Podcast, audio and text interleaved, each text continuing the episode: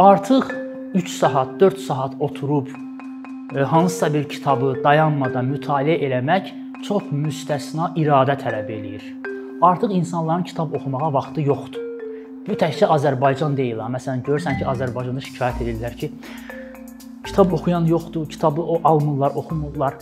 Bu bütün dünyada belədir. Artıq kitabı başlayıb çox az adam oxumağa. Dəyişən dünya çox klişe ifadədir də, bilirsiniz.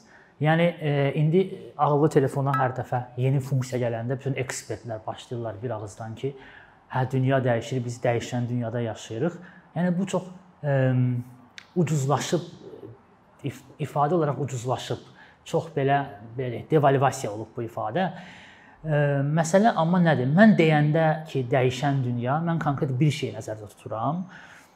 Ə, və bu dəyişiklik, yəni dünyada baş verən bu dəyişiklik həm də öz növbəsində ədəbiyyatda, yəni bədii ədəbiyyatda ə, ciddi və hmm, ə, müstəsna, fundamental dəyişikliklərə gətirib çıxardır. Yəni ədəbiyyat dəyişir. İndi bugünkü mövzumuz da onun haqqındadır. Məsələn bir nümunədən nümunə desək, nümunə ilə baxsaq məsələyə. Məsələn, tutaq ki, bir biz biz bir mətn oxuyuruq. O mətndə tanış olmayan bir ad, soyad görürük. Axel Munte məsələn.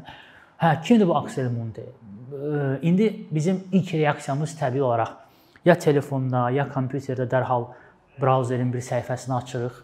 Orada baxırıq ki, hə, yazırıq Google-da.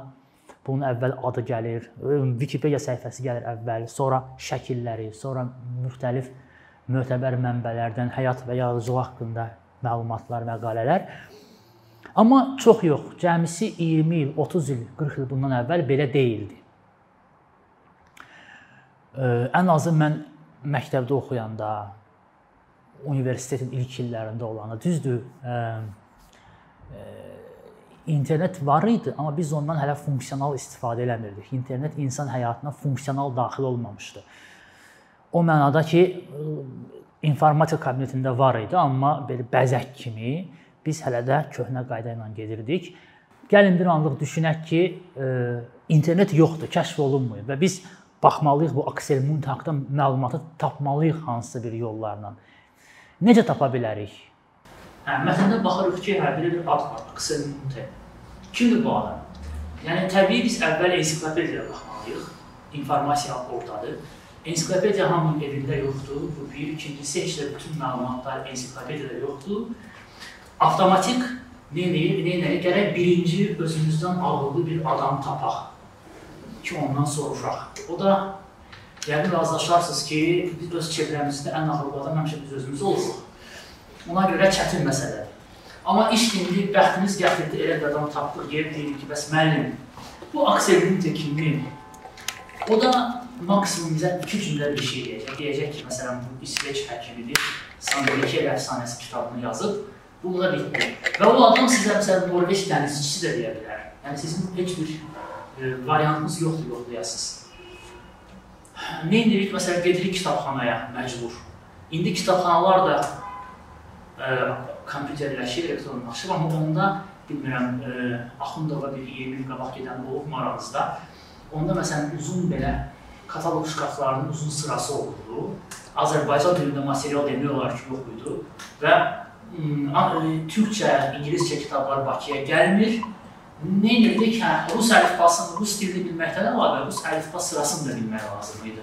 Çünki şkafları sən hərf-hərf gəzirdin. Hə, lazım olan hərfi tapdın, lazım olan gözü tapdın. Axırdın o kağız kataloqlara, hə, Mayakovski, Meyerholda, Münte. Məsələ nədir? Məsələ odur ki, informasiya çox məhdud sayda olan daşıyıcılarda idi. Çox məhdud sayda. İndi biz hamımız Wikipedia-da eyni səhifəyə girib telefondan baxa bilərik saysız hesabsızdır yəni o informasiya mənbəyi, yəni fiziki olaraq. Amma onda informasiya çox məhdud sayda idi və bir bu dünya bir e, maraqlı, mən deyərdim, etimad üzərində qurulmuşdu. Bir-birini tanımayan insanlar arasında etimad. Yəni belə bir yazılmamış qanun var idi, müqavilə var idi. Mən onunla imza atmışdım güya ki, mən gedib orada kitabxana kataloqunda o kartı cırıb götürməyəcəm. Çünki mən o kartı cırıb götürsəm məndən sonrakı adam o informasiyanı heç cür əldə edə bilməz. Necə ki məndən qabaqki adam o kartı oradan cırıb götürməmişdi ki, tanımadığı mən gəlim o məlumatı tapa bilim. Yəni o o dövrdə bax belə bir e, mürəkkəb e, etimad əsasında bir sistem var idi. Çünki şərait başqa idi indikindən. Yəni e, adi sizə bir şey deyim, yazılı sözü çap formasında görmə, yəni yazılı sözün çap formasında peyda olması müstəsna bir şey idi. Yəni bu ritual idi, mistika idi. Yəni indi nədir məsələn biz kompüterdə yazırıq, düyməni basırıq və dərhal printerdən o çıxır. Hə, baxırıq ki, çap formasında çap olunmuş bizim sözümüz, öz sözümüz. Amma mən sizə bir şey deyim. Mən e, deməli mənim anam e, mətbəədə işləyib uzun illər, mətbəə direktoru olub bir müddət. Mən uşaq olanda tez-tez gedirdim mətbəəyə. Yəni nəşriyyata yox, mətbəəyə. Deməli, nə idi? Mən o yazılı sözün çapını öz gözümdən görmüşəm. Deməli belə böyük linotip deyilən aparatlar var idi. Qurğuşundan hərfləri tökürdü. Sonra o qurğuşundan tökülmüş hərfləri bir nabor deyilən səhifəyə yığırdılar. O da çox ağır idi, yəni adam öldürmək olardı onu ilə, yəni elə ağır idi. Sonra onu məsələn bu otağın yarısı boyda iri maşınlar var idi. Onu maşına qoyurdular. O maşınlar kraskanı, yəni rəngi tökürdü və kağıza basılırdı o dəmir qurğuşun qurğuşun nabor elə kağıza düşürdü. Yəni bu hələ onun ancaq istehsalat hissəsidir. Bir də bunun var idi redaksiya hissəsi, senzura hissəsi və s. və s. sonra çapı, belə üzlənməsi, bağlanması. E, təbii ki, siz başa düşürsüz ki, elə bir çətin vəziyyət, çətin bir mürəkkəb bir şəraitdə yazılı sözün dəyəri başqa idi, qiyməti başqa idi. İndi məsələn biz bir düymə ilə printerdən buraxırıq, onun qiyməti başqadır. Yəni yazılı söz demirəm ucuzlaşıb, amma ən azı devalvasiya olub belə desək. Hə, bu da nədir? Deməli bu mən dəyişən dünya dilində bu nəzərdə tuturam. Yəni dünya dəyişib, yəni konkretləşdirsək Gutenbergin icadından 15-ci əsrin ortası olmalıdır. Yəni Gutenbergin ixtirasından sonra formalaşmış bir dünya var idi. Yəni o tarix kitabındakı o tarix e, e yazıblar 1400 neçənci il o şərtidir. Sadəcə hesaplamaq üçün onu müəyyən ediblər. O dəqiq bilinmir. Deməli 15-ci əsrin ortasında Gutenberg o mətbəə avadanlığını ixtira eləyir və ondan sonra bir dünya formalaşır. Və bu dünya təxminən bir 500 il ərzində, 500 il ərzində yuxarı aşağı dəyişmədən davam eləyir və internetə qədər gəlib çıxır. Dəyişən nədir sadəcə? Əvvəl onu o avadanlıqları əllə işlədirdilər. İndi o avadanlıqları əvvəl buxar, sonra elektrik enerjisi işlədirdi. Yəni amma mexanizm, məntiq dəyişməmişdi. O 500 il təxminən eyni bir şey olaraq davam eləyirdi. Bax bu Gutenberg dövrü deyirik buna. Biz təxminən belə şərti olaraq. Və bu dövr birdən-birə çox urbatsız şəkildə çökdü. Dəhşətli belə bir şəkildə heç kəs hazır olmadı. Deməli yazıçılar oldu ki, axşam yatdılar, səhər durub gördülər ki, oxucuları yoxdur. Qəzetlər 100 illik, 200 illik, 300 illik qəzetlər, jurnallar bankrot oldu. Bu gün İnastranna literatura jurnalının 2000 tirajı qalıb. Təsəvvür edirsiniz, yəni. Bu faciədir. Bunu 80-da desəydin Sovet İttifaqında adamı ayağından asardılar. Məsələ nədir? E, çox dəhşətli bir, yəni sırf bu yazılı mətn baxımından, yəni yazılı mətnin gözü ilə baxsaq, dəhşətli bir çevrilmə baş verib dünyada. Yəni indi biz elə bilirik ki, insan yaranandan, nə bilim nağıllardan, nənnilərdən filandan bədii ədəbiyyat olub. Bu belə deyil. Ədəbiyyat kifayət qədər yeni fenomendir. Bu 18-ci əsrdə bizim indiki mənada başa düşdüyümüz ədəbiyyat 18-ci əsrdə Alman romantiklərinin təsiri ilə formalaşıb 19-da onu bir formaya salıblar. Yəni 18-19-da yaranıb ədəbiyyat anlayışı. Yəni bir də aydınlaşdırmaq üçün deyim, baxın, şeir var idi, dram var idi, teatr var idi, roman artıq yaranmışdı, novellalar, hekayələr hamısı var idi. Amma ədəbiyyat yox idi. Ədəbiyyatı yaratdı 17-ci əsrin Alman romantikləri belə fundamentini qoydular və 19-da ingilislər ondan ədəbiyyat yaratdı. Bu başqa bir mövzudur, buna girməyək. Buna gəlsə dalaşacağıq.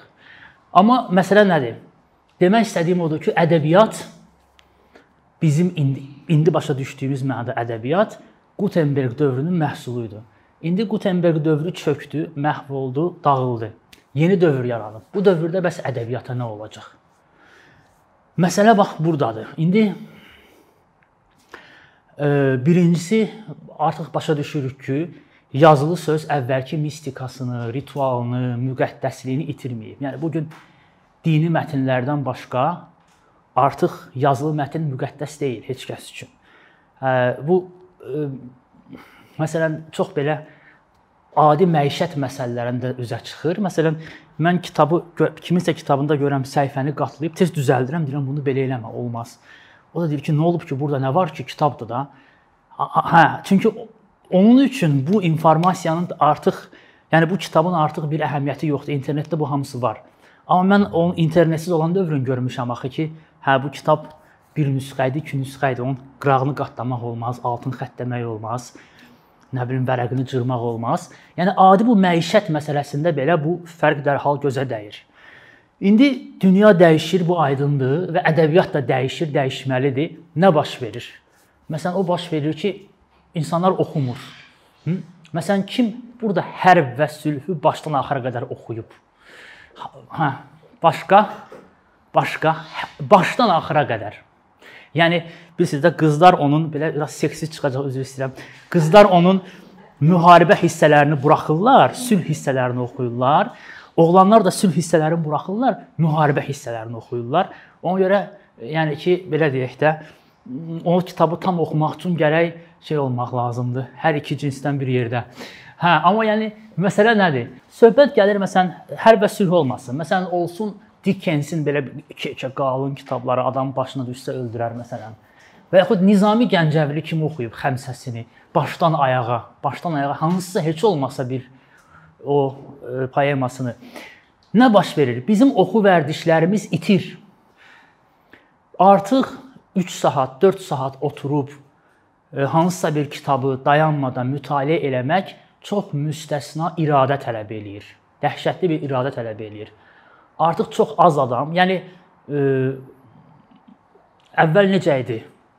Demək olar ki, böyük məşğuliyyətlər yox idi. Onun insanlar vaxt tapırdı 2 saat, 3 saat gündə kitab oxusun. Artıq insanların kitab oxumağa vaxtı yoxdur. Bu təkcə Azərbaycan deyil ha. Məsələn, görürsən ki, Azərbaycanda şikayət edirlər ki, Kitab oxuyan yoxdur, kitabı o almırlar, oxumurlar. Bu bütün dünyada belədir. Artıq kitabı başlayıb çox az adam oxumağa. Və bu təbii ki, ədəbiyyat da buna uyğunlaşır. Nə baş verir? Artıq insanlar kitabı oxumur. Kitabı insanlara danışırlar. Yəqin eşitmisiniz, podkastlar. İndi belə bir nəzəriyyə, bir nəzəriyyə var. Deyirlər ki, yaxın gələcəkdə ən geniş yayılmış ədəbiyyat janrı podkastlar olacaq. Podkast yəni audio fayldır. Siz onu yükləyirsiz. Həm telefona mı, iPod-a mı, ona qulaq asırsınız idman eləyəndə, qaçanda, cimdə və yaxud jogging eləyəndə. Deməli nədir? İki cür podkast var.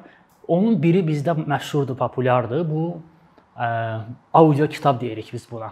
Kitabı biz qulaq asırıq. Digəri isə daha çox qərbdə məşhurdur. Qərb biraz köhnəlmiş ifadədir. Belə deyək, Avropa ölkələrində və Amerikada Bu e, xüsusi olaraq podkast üçün yazılmış hekayələr, reportajlar və sair bu tipli müzakirələr, diskussiyalardır. E, Amerikada məsələn, Amerikada, Qərbi Avropada daha çox bu podkast məşhurdur. Və hətta bu, bu yaxınlarda belə bir məqalə çıxmışdı ki, storytelling, hansı ki 19-cu əsrdə bitmişdi, artıq heç kəs storytellinglə məşğul olmurdu, hekayəçiliklə. Artıq geri qayıdır podkastlar formasında. Bu da əslində çox yaxşı unudulmuş bir köhnədir. Belə bir klişe ifadə var hər yeni olan şey hmm, yaxşı unudulmuş köhnədir. Hə, bu podkastlar əslində yaxşı unudulmuş köhnədir. Çünki biz tarixə baxsaq görərik ki, hmm, bizim kitabı belə ürəyimizdə oxumağımız sakitcə, tək başına kifayət qədər yeni fenomendir. Ədəbiyyat kimi. O da 18-ci əsrdə populyarlaşmağa başlayıb. 18-ci əsrə qədər kitabı necə oxuyurdular? Çox sadə. 5-6 adam yığılırdı, bir nəfər açırdı kitabı, başlayırdı bərkdən oxumağa. Yəni 18-ci əsrə kimi istəyir bu şərq ölkələri olsun, istəyir qərb ölkələri, istəyir varlılar, istəyir kasıblar, aristokratlar, kəndlilər fərqli yox, fərqi yoxdur. 18-ci əsrə kimi e, insanlar kitabı başqaları üçün oxuyurdu və bərkdən oxuyurdu. Bax sizə bir dənə adi misal verim. Quran. Quranı necə oxuyurlar? Bərkdən və avazla. Niyə? Çox sadə. Həm də ona görə ki, Quran kitab formasına salınan tarixdə 7-ci əsrin ortalarında kitabı başqa cür oxumurdular. Kitab oxumağın qaydası bu idi: bərkdən və avazla və başqaları üçün. Ümumiyyətlə kitabı ürəkdə oxumaq özün üçün sakitcə təklikdə bu erkən orta əsrlərdə katolik katolik monastırlarında yaranıb. Çünki birisi orada sakitlik olmalı idi və rahiblər tək otururdular adətən. Orda yaranıb. Uzun müddətdə həmin o monastırların daxilində qalıb, bayıra çıxmayıb. Ancaq o burjua cəmiyyəti 19-cu əsrdə 18-in axırlarında biraz oturuşandan sonra insanlar pul qazanmağa başlayandan sonra indiki termindən orta sinif yaranmağa başlayandan sonra insanların vaxtı qaldı və başladılar təklikdə e, kitab oxumağa sakitcə. İndi nə olur? Din təzədən biz yenə qayıdırıq o erkən e, kitab oxumaq vərdişlərinə. Hansı ki ə, əvvəl də kitabı oxumurduq, bizə danışırdılar. İndi də kitabı oxumayacağıq, bizə danışacaqlar. Bu baş verən ən böyük yeniliklərdən biridir. Başqa bir yenilik görürsüz də məsələn kitablar nazil nazilə nazilə gedir. Çox az yazıçılar var ki, böyük kitablar yazırlar, amma onlar da baxsaz görərsiniz ki, müxtəlif texnikalar istifadə edirlər ki, o texnikalar vasitəsilə kitab maraqlı gəlsin. Yəni məsələn indi heç kəs 4 səhifə, 5 səhifə təbiət təsvirləri yazmır. Məsələn, bu yaxınlarda mənim bir dostum mənə şikayət edirdi.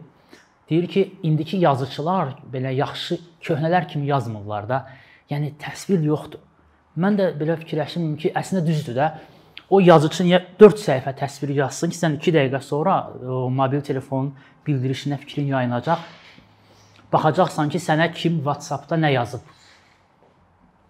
Sonra ondan sonra burada smiley qoydunuz, güldünüz, danışdınız Təzədən bir də qayıdıb o təbiət təsvirini necə oxuya biləcəksiniz ki, ağacların yarpaqları günəşin son şüalarını özündə elə əks etdirirdi ki, mənim ürəyimin qara qəlbindən nəsə belə-belə şeylər. Mümkün deyil. Yəni yazıçılar da bunu başa düşür. Ona görə məsələn bütün dünyada bu dəqiqə ən populyar hə, ədəbiyyat sahəsində ən populyar olan fəaliyyətlərdən biri yazıçılıq kursudur. Bir xeyli demək olar ki, elə bir universitet, kollec, məktəb qalmayıb ki, onun nəzdində yazıçılıq kursu açmasınlar. Adam tapmırlar artıq o kursları öyrətməyə. Jurnalistlər də belə gətirib orada yazıçılıq öyrədirlər. Məsələ nədir? Məsələ odur ki, insanlara başlayıblar artıq həyatın müxtəlif sahələrində çalışan insanlara yaradıcılıq öyrətməyə. Məqsəd də çox sadədir nədir burada məsələ? Məsələ odur ki, ədəbiyyat artıq o 18-ci əsrdə, 19-cu əsrdəki formalaşmış anlayışından kənara çıxır. Artıq jurnalist də müəyyən mənada ədəbiyyatçı olmağa başlayır. Hesa maliyyə hesabatı yazan da artıq ədəbiyyatın metodlarından istifadə etməyə başlayır. Belə biraz kobud desək, artıq hər Facebook statusu bir ədəbiyyat nümunəsi sayılır yavaş-yavaş. Yəni bu kobud deyirəm də bunu, yəni belə deyil. Sadəcə ümumiləşdirirəm. Məsələ nədir? Məsələ odur ki, ədəbiyyatın belə dəqiq sərhədləri başlayır belə pozulmağa. Artıq bilinmir ədəbiyyat harda bitir, harda başlayır. Bu da köhnə bir şeydir. Mən sizə bayaq dedim ha, 18-ci əsrdə bizim indiki ədəbiyyat anlayışımız formalaşıb. 18-ə qədər literatura sözü, yəni ədəbiyyat sözü deyiləndə hər kəs ona öz istədiyi mənanı qoyurdu. Burada hər kəs deyəndə hər insan yox, belə də müəyyən bir qrup deyək. Məsələn, ingilis aristokratları üçün ədəbiyyat bir şey idi. İngilis kəndliləri üçün başqa bir şey idi, tacirlər üçün bir şey idi, ruhanilər üçün başqa bir şey idi. Elə bir ingilis üçün ədəbiyyat olan fransız üçün, fars üçün ədəbiyyat deyildi. Çində ümumiyyətlə başqa anlayış idi. Yəni o dövrdə ədəbiyyatın dəqiq bir sərhəddi yox idi. Bir adam bu gün ədəbiyyatda idi, sabah ədəbiyyatdan kənara çıxırdı. Yəni bilinmirdi ki, ümumiyyətlə ədəbiyyat nədir. Bu 18-də, 19-da oturuşdu, hazır tərifini, formasını aldı. İndi nə baş verir? İndi yenidən həmin o qeyri-müəyyənlik dövrünə qayıdırıq. Çox yox, məsələn, adi iki misala baxaq. 2008-də Nobel vermədilər, bu il verdilər Nobeli. Ondan qabaq Ishiguro, amma ondan qabaq gördünüz kimə verdilər? Bob Dylan, Manus və Svetlana Alekseyeviç jurnalist. Yəni Svetlana Alekseyeviçin yazdığı kitablar, bilmirəm oxumusunuz yoxsa yox, o şahid ifadələrini dinləyir və onları yazıya alır. Yəni orada yazılanların müəyyən bir hissəsi artıq onun sözləri deyil. Yəni o kiminsə dedikləridir. Sadəcə Alekseyeviçin filtrindən keçir, bədii forma alır. Yəni Alekseyeviç sözün həqiqi mənasında, yəni o klassik mənasında klassik yazıçı deyil, daha çox dokumentalistdir sənədli işlər, sənədli yazı müəllifidir. Eyni cürdə Bob Dylan, yəni Bob Dylanı ümumiyyətlə ədəbiyyatda e, hesab edənlər demək olar ki, yox idi Nobel mükafatına verilənə qədər və böyük bir müzakirə getdi. İndi artıq e, deyə bilmirlər ki, Bob Dylan sən yazıçı deyilsən, çünki Nobeli var da, yəni adamın e, necə deyəsən sən yazıçı deyilsən. Hə, yəni baxırsan ki, deməli nə baş verir? Ədəbiyyat artıq əvvəlki kimi bir qrup belə trubkalı, pensneli, belə kök, o 3 3 o üçlü pencək var, altından bir də jiletka geyirlər. O pencək geyən yazıçıların kişi yazıçıların monopoliyasında deyil artıq. Hə? Ədəbiyyat artıq nədir? Ədəbiyyat belə deyək, artıq e, bloqlar da ədəbiyyat olmağa başlayır. Facebookda ədəbiyyat yaranır. Artıq internet ədəbiyyatı və şəbəkə ədəbiyyatı deyilən bir fenomen yaranıb. Azərbaycanda bununla bağlı demə heç nə görməmişəm. Kimsə ümumiyyətlə bu sözü işlətsin, bu sözü yazsın, amma dünyada artıq internet ədəbiyyatı deyilən bir söz, bir şey bir fenomeni fərqləndirirlər. Bu nədir? Müxtəlif saytlarda, bloqlarda, sosial sosial şəbəkələrdə yazılmış, paylaşılmış və oradan kənara çıxmayan məzmun. Şəbəkə ədəbiyyatı. Ruscada var, sitivaya literatura və Rusiyada onun çox gözəl nümunələri var yeri gəlmişkən, çox gözəl. Bizdə bu hələ bəlkə də var, amma sadəcə bizim ədəbiyyatşünaslıq çox köhnə fikirlidir. Ona görə ona fikir vermir, diqqət ayırmır. Yəqin ki var. Olmamış ola bilməz. Eyni cürdə məsələn artıq məsələn siz xəbər saytlarını oxuyursunuz, görürsüz ki, məsələn e, jurnalistik məqalələr başlayır ədəbiyyatla bağlı o metodlardan öz yazılarında istifadə eləməyə. İndi bunlar hamısı aydındır. Bəs bizim ölkədə, Azərbaycanda məsələ nədir? Azərbaycanda məsələn sizə dediyim kimi, çox güman ki, çox güman ki, internet ədəbiyyatı var. Sadəcə bunu kimsə tapmalıdır, müzakirə eləməlidir, araşdırmalıdır və təqdim eləməlidir. Bu olmadığına görə biz bunun olub-olmadığını bilmirik. Məntiqdən olmalıdır. Məntiq desə ki, yoxdur, səhv deyər. İkinci məsələ bu mənim şəxsi fikrimdir ki, artıq bizdə məsələn belə bir söhbət gedir ki, niyə Azərbaycanda yaxşı roman yaranmır son illərdə? Niyə Azərbaycanda yaxşı bədii əsər yaranmır dünya səviyyəli? Mənə elə gəlir ki, o bizim o sözü deyəndə qoyduğumuz mənada roman bundan sonra heç yaranmayacaq da və təkcə bizdə yox, ümumiyyətlə bütün dünyada. Çünki ədəbiyyat artıq transformasiya keçir və mümkün deyil ki, kimsə Thomas Mannın Sehrli dağı kimi bir əsəri bu gün yazsın. Birincisi onu oxuyan olmayacaq. Hamı 2 dəqiqədən bir telefonuna baxacaq ki, WhatsApp-da nə yazıblar. İkinci də ki, artıq onun yeri deyil. Artıq dünya başqadır. Mən sizə başqa bir şey demək istəyirəm. Azərbaycanda çox maraqlı bir fenomen baş verir. Mən də bunu görmürdüm. Mən Həmid Herisçi bunu mənə göstərdi. Meyxana. Fikir verirsiniz, meyxana son illərdə necə birdən-birə partlayıb, belə bir böyük bir intibah dövrünü yaşayır. Məsələn, hara gedirsən meyxanaya qulaq asırlar, meyxana deyirlər. YouTube-a girsəz görərsiniz ki, ən populyar Azərbaycan videoları demək olar ki, meyxanalardır. Bunun yəqin ki, bir izahı budur ki, meyxana ə, əslində əruzda yazılan Azərbaycan şeirinin premodern kökləridir. Yəni arxaik onun e, keçmişdən qalan balaca bir arxaik qalıqlarıdır belə deyək, relikləridir. Nə baş verdi? Sadəcə mənə maraqlı oldu ki, bu meyxana gəldi e, Azərbaycanın ən çox modernləşmiş bölgəsində, Bakıda Abşeron yarımadasında özünü müəyyən qədər saxlaya bildi. Amma indi nə baş verir? Baxın, Qarabağlar arasında meyxana deyirlər. Qubada, nə bilim, Qazax, Tovuz, Gəncə, Lənkəran, Lənkərandakı bir meyxana hətta bütün MDB məkanında məşhur oldu. Yəni hətta Qafqaz dilli xalqlar arasında da eşitmişəm ki, meyxana deyənlər yaranmağa başlayıb. Yəni meyxana ə, başlayır Azərbaycanda kifayət qədər populyarlaşmağa və geniş yayılmağa. Bu nədir? Bu çox güman ki, belə deyək, sizə sizə bayaq dedim ki, meyxana Azərbaycan şeirinin premodern kökləri idi. Yəni qədim kökləri idi. Və onda şeir nə idi? Onda şeir daha çox performans idi. Şeir necə deyirdilər? Hamı yəqin ki, mənlə razılaşar. Şah sarayında şair dururdu, şeir oxuyurdu və yaxud kənddə, toyda, şəhərdə belə insanlar yığılırdı bir yerə, kimsə şeir oxuyurdu. Yəni şeir əslində əvvəllər oxunmaq üçün yazılırdı və çox zaman bədahətən deyilirdi. Sonra o Gutenberg dövrü ki, bayaq deyirdim, yazılı mətn hakimiyyətə gəldi.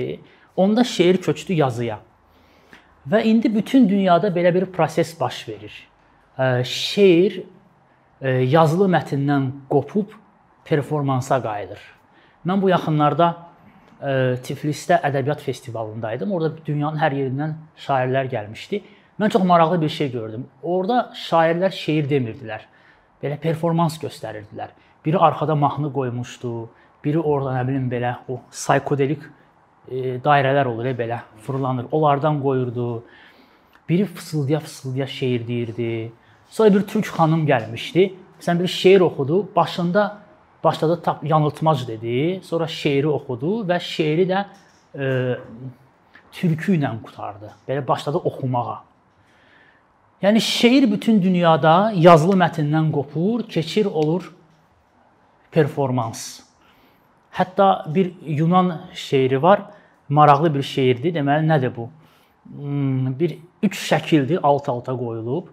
Birinci şəkildə bir xanım dənizə doğru gedir.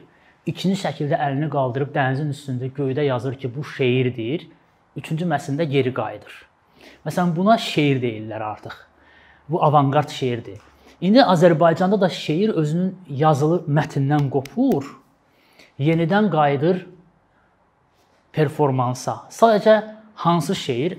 Bizim şeir adətən əvvəl nə olub? Əruz olub, sonra hecaya keçib və indi müasir formada yazılır. Yəni əruzda yazılan şeir, yəni bu klassik Azərbaycan şeiri artıq performansa qayıdır. Yəni meyxana da bir növ bəlkə də odur, bilmirəm. Yəni bu mənim fərziyyəmdir. Həmid Heriskinin gözəl bir sözü var. O bunu deyir, bilmirəm yazıb yoxsa yazıb mən amma şəxsən öz mənə deyib danışanda ki, Azərbaycan xalqı şeiri çox sevir. Şeirə hörmət eləyir. Amma Azərbaycan xalqı istəyir ki, şeir onun yanında yaransın və onun iştirakçısı olsun. Gözünün qabağında görsün şeirin yaranmağını. Onda sizə pul da verəcək, onda sizə qulluq da eləyəcək. Yəni bu bir fərziyyədir. Niyə görə Azərbaycanda meyxana bu qədər populyardır?